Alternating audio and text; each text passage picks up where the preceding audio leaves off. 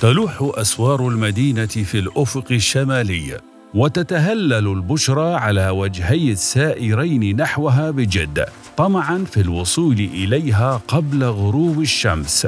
رجل يرافقه ابنه ذو التسعة عشر عاما يسير به نحو موئل العلماء ومهوى أفئدة طلاب العلم في ذلك الزمن.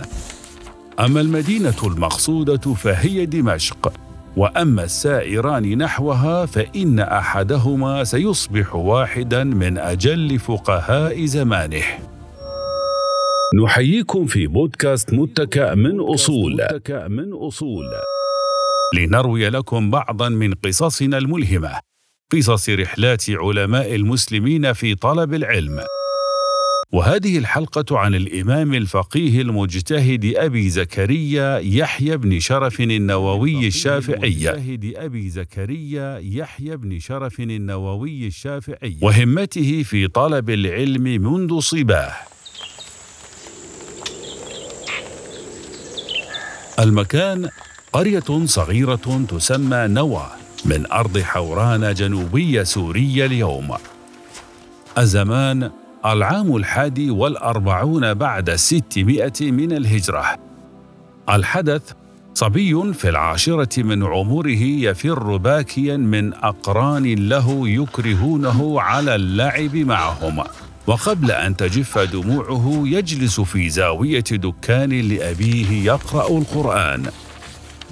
الأب كان رجلا صالحا. فحرص على ولده حتى أتم حفظ القرآن وهو صبي لما يبلغ الحلم. هذه كانت البداية. ومع مرور الأيام ازداد ظمأ الفتى لورود مشارب العلم وموائد المعرفة. فقدم به أبوه إلى دمشق. وهي على الحال الموصوفة في مقدمة حلقتنا. سكن الفتى المدرسة الرواحية بالقرب من الجامع الأموي، وبقي فيها سنتين لا يضع جنبه على الأرض.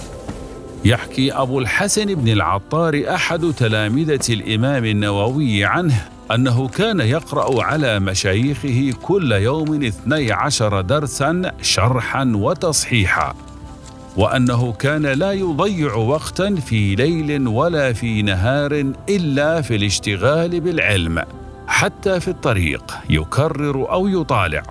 وأنه دام على هذا ست سنين وكان لا يأكل في اليوم والليلة إلا وجبة واحدة بعد العشاء ويشرب شربة واحدة عند السحر ويمتنع عن أكل الفواكه والخيار ويقول أخاف أن يرطب جسمي ويجلب لي النوم ولأن الصبر والإخلاص كانا سلاحه رحمه الله فقد بارك الله له في عمره القصير فترك خلفه مؤلفات كثيرة صارت مصادر ثرة ينهل منها العلماء وطلبة العلم والعامة وقد توفي ولم يجاوز الخامسة والأربعين من عمره.